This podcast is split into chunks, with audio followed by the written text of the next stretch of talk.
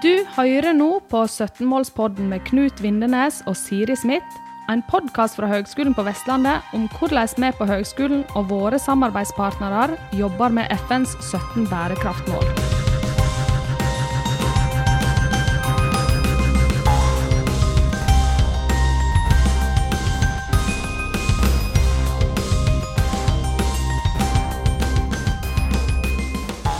Da står vi på eh, standen vår i Arendalsuka her. Eh, nå har vi med oss eh, Renate Nedregård. Eh, ny, får vi vel eh, kanskje fortsatt si, leder for Klimapartnerne Vestland. Hallo til deg. Hei, så hyggelig at jeg fikk komme innom dere. Veldig kjekt. Eh, før vi skal inn på spørsmålet som vi stiller til alle her om forventninger som, som, de, som ulike ja, aktører har til akademien når det gjelder bærekraft, så må du si litt om hva Klimapartner er for noe. Ja, Klimapartnere er et offentlig-privat eh, partnerskap for utslippskutt og grønn næringsutvikling. Og vi er forankret i regioner rundt om i hele landet. Totalt har vi over 300 partnere. Og da er stikkordet samarbeid for å eh, nå utslippsmålene. Wow, rett i bærekraftsmål nummer 17. Så, men, og i Vestland, hvor mange partnere har vi der? Vi har 65 partnere i Vestland, og vi må jo selvfølgelig understreke at HVL er en av de. Ja, sant? Det, må- det, det må vi ha frem. Høyskoler og universitet er utrolig nyttig å ha med i partnerskapet, sammen med eh, kommuner og eh, rent private virksomheter. Så bra. Og, og jeg vet jo, jeg har jobba litt med dere, og det har også Knut òg, men eh, vi har jo da skrevet under en kontrakt. Og hva går den ut på? Det er jo et partnerskap, og det innebærer at det er forpliktelser. Man kan ikke bare bli medlem. Eh, Så det å forplikte seg til å bli med i Klimapartnernettverket, da skal man føre klimaregnskap. Man skal sikre at eh, arbeid, klimaarbeidet er forankret i toppledelsen. Man skal være miljøsertifisert, eller være en prosess for å bli det. For noen er jo det en lengre prosess enn for andre. Og så skal man jobbe med systematisk klimaarbeid. Lurinat, har, har du rukket å gjøre deg noen tanker om eh, altså, altså, sant, for, for å ta måte, dette med akademia og Høgskolen på Vestlandet, hva, hva vårt bidrag eh, både, både inn mot dere konkret gjennom avtalen, men også på en måte i det store bildet. Eh, hva, hva vi bør eh, så konkret som mulig bidra på? Har du, har du begynt å tenke? Ja, jeg syns jo det er utrolig kjekt å ha høyskolene på Vestlandet med i partnerskapet, fordi at jeg ser så mange muligheter. Og jeg mener jo at dere er i en unik posisjon til å jobbe på så mange områder. Og eh, rundt hele bærekraftspekteret. Eh, og da tenker jeg på alt fra selvfølgelig forskning, formidling, og ikke minst eh, benytte dere av de studentene dere har, og den studentmassen. Og så ser vi at vi jobber jo eh, først og fremst da med klima og bærekraftsmål nummer 13. Er tidligere nevnt nummer 17, så her er det 13 og 17 som gjelder. Og der ser vi at Tidligere har det kanskje vært eh, en antagelse om at studenter og unge som er interessert i klimaarbeid, de har studert eh, eh, oseanografi, eller de har eh, studert meteorologi. Altså de har studert klima. Men nå er vi vel kommet der at dette er et arbeid som hører hjemme i absolutt alle fagdisipliner. Det er et veldig godt poeng. Eh, ja, det, det er et viktig skifte der, på en måte, sånn sett. Ja, det tror jeg har begynt å bli en kanskje en aha-opplevelse. Vi må ha lærerne med oss på laget. Tenk så mye de kan gjøre. Vi må ha sykepleierne med oss. I egentlig absolutt alle bransjer og yrker så må man tenke bærekraft. For hvis ikke vi har med oss alle, så får vi det ikke til. Og så er det jo én ting som dere er, da, er unikt posisjonert til, og det er å nå disse studentene. Og ikke minst fange opp det, det engasjementet som ligger i studentmassen.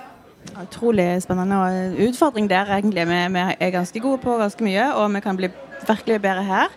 Um, og så liker veldig godt å trekke fram de ulike altså, utdanningene vi har. Um, det er jo um, det er noen miljø som er langt framme i skolen, og så er det noe miljø som kanskje kan uh, tenke litt på en annen måte. Eller, ja. Men uh, tilbake til uh, Klimapartner. Dere har jo òg en, en slags samling av gode ideer og ja. Men jeg kaller dere for noe spesielt. Det kan du forklare litt? Og jeg er veldig glad for at du spør om Den grønne løsningsbanken.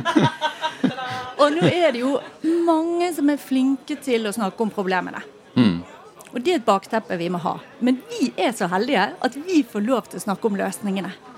Og det vi eh, gjør, det er at når vi møter våre partnere, så ser vi at det er så mange gode grønne løsninger. Så vi har samlet de. Vi har laget det vi kaller Den grønne løsningsbanken. Og så har, samler vi smått og stort av gode grønne løsninger. Det skal være en inspirasjonsbank og et verktøy for andre til å kopiere. Og så sier jeg at i denne banken så er det lov å stjele. så, dette er, så nå snakker vi om mer enn buzzord. Altså nå er løsning blir noe, altså løsningsbank. Er det database vi snakker om her, da? Eh, dette skal være veldig konkret. Eh, det vil si at vi har sortert på eh, bransje og klimasatsing og eh, region. Og så kan man gå inn og sjekke litt hva man er interessert i. Så skal det være konkrete løsninger. Det skal ikke være vi ønsker å satse på bærekraft i alle ledd. Det er sånn Vi har kjøpt en elektrisk gravemaskin. Og det fikk vi til på denne måten. Og så elsker vi å trekke frem samarbeidsprosjektene. Og det er fantastisk hvor mange av disse grønne løsningene som involverer flere aktører. Mm. Og som også løser behovene til flere aktører. Eh, og det vi ser jo at det har en smitteeffekt. Nettopp. At hvis man kan gjøre noe ett sted, så kan man klare å få det til ved lignende samarbeid andre steder. Dette med å bli, på, dette med å, å, å, å bli konkret nok på løsningene, er det liksom, litt sånn prosess i seg sjøl? Altså, jeg vil tro at til å begynne med har, har mange vært veldig vage i i eh, løsninger, og så, og så, lærer man kanskje av hverandre til å bli mer konkrete. For det å være konkret er jo egentlig et vanskelig det i mange sammenhenger, tenker jeg. Og da er jeg så glad for at vi har et verktøy som er klimaregnskapet. Og det er mitt favorittverktøy. Eh, og vi utfordrer jo alle, det er en forpliktelse i partnerskapet å lage klimaregnskap. Og når du får oversikt over utslippene, de direkte og de indirekte i virksomheten, så kan du begynne å se hvordan løser vi dette. Eh, og da kommer det konkrete løsninger. Ja. Ja. Eh, og også er jeg veldig glad i eh, leverandørkrav. Mm. Eh, at man først rydder opp hos seg selv og sier vi er faktisk, hvis det er mulig, blitt klimanøytrale. Ja. Og de kravene ønsker vi å stille til våre leverandører. Og Det er jo bl.a. noe som både Fjordkraft og Sparebanken Vest har gjort. Og det gir resultater. Nettopp. Dere er jo opptatt av, eh, av klimautslipp. Um, og så kan man jo si at det er jo andre viktige bærekraftmomenter òg. F.eks. rettferdig handel og sosial bærekraft og sånn. Men det, det, er ikke noe som dere fokuserer direkte på? Det jeg tror er viktig når man går løs på bærekraftsarbeidet, det er at det kan bli litt overveldende hvis man skal ta inn over seg alt på en gang. Godt poeng. Så det er jo et tips egentlig å tenke hva er relevant for oss? Velge seg noen bærekraftsmål å satse på. Eh, og, men du kan ikke gjøre det hvis ikke du har kunnskap om alle bærekraftsmålene. Eh, og du, det er ikke noe vits å gjøre det hvis det å oppfylle et bærekraftsmål eh, slår i hjel et annet. Eh, så jeg tenker at jo mer kunnskap vi har om de 17 bærekraftsmålene, jo, mer, eh, jo enklere blir det også å velge seg ut der man selv kan gjøre en forskjell, og ønsker å gjøre en innsats. Og vi har selvfølgelig alle bærekraftsmålene i bakhodet når vi jobber, men vi opplever at det er veldig mye enklere å gå løs på det når vi er så konkrete at vi begynner med to. Ja, Vi har jo et leverandørprosjekt på gang i BHVL hvor vi har lyst til å um, se på leverandørene våre. Og, eh, men da har vi òg dette med utslipp, selvfølgelig. Men da har vi òg tatt med dette her med rettferdig Altså både med um, Hva kalles det for, Knut? Du har jobba litt sånn mer konkret med dette her. Rettferdig Ja, altså Det ligger jo både altså Etikkområdet eh, ligger jo altså, hvordan er, hvordan, er, man en ansvarlig aktør i hele bredden av ja, faktorer da, mm. som omhandler bærekraft? Og, og, der har vi jo eh, vært ute nå og, og Vi er i en prosess der vi har, eh, der vi har eh, spurt og fått svar fra, fra, mange av våre viktigste leverandører. Og så skal vi eh, følge de opp noe fremover. Mm. Og, og da er jo det da er det viktig for oss å få til et samspill og få til en leverandørutvikling der vi kan bli mer bevisste sjøl på hvordan vi bør sette krav. Og, og, få til en reise, på en måte. Det høres litt sånn flott ut, kanskje, men altså få til en reise sammen med, med leverandørene. Mm. Men Dere skal nå ha en samling med ledere i, i, i mandag? Ja? Tirsdag neste uke? Snart? Ja, det er mandagen. Det er jo kjempespennende. Hva, hva skal skje der? Da samler vi tropplederne i alle klimapartnervirksomhetene. Det vil si ordførere i kommuner, rektorer på høyskoler og universitet og toppledere i virksomhetene, eh, hvor vi fokuserer nettopp på løsningene. De konkrete løsningene. Og så må vi jo utfordre det litt. Eh, men det vi opplever som er fryktelig gøy, det er at det er en stemning hvor man løfter hverandre. Eh, det er en entusiasme for å gjøre en forskjell som smitter. Ja. Og når lederne går mm. foran og mm. tar det ansvaret, da skjer det ting.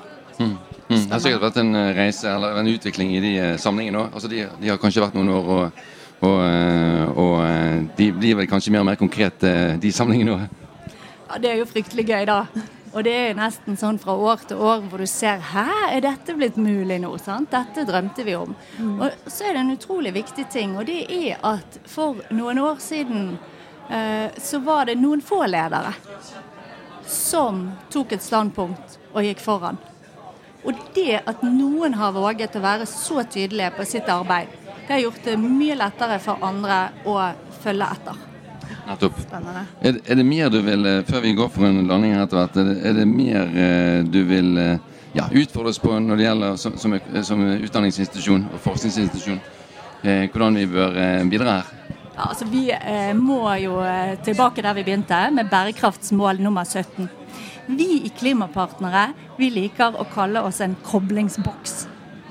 Og den muligheten høyskolen har til å være en koblingsboks, til å bruke studentene sine eh, og spre den kompetansen inn mot eh, det offentlige og næringslivet, og omvendt.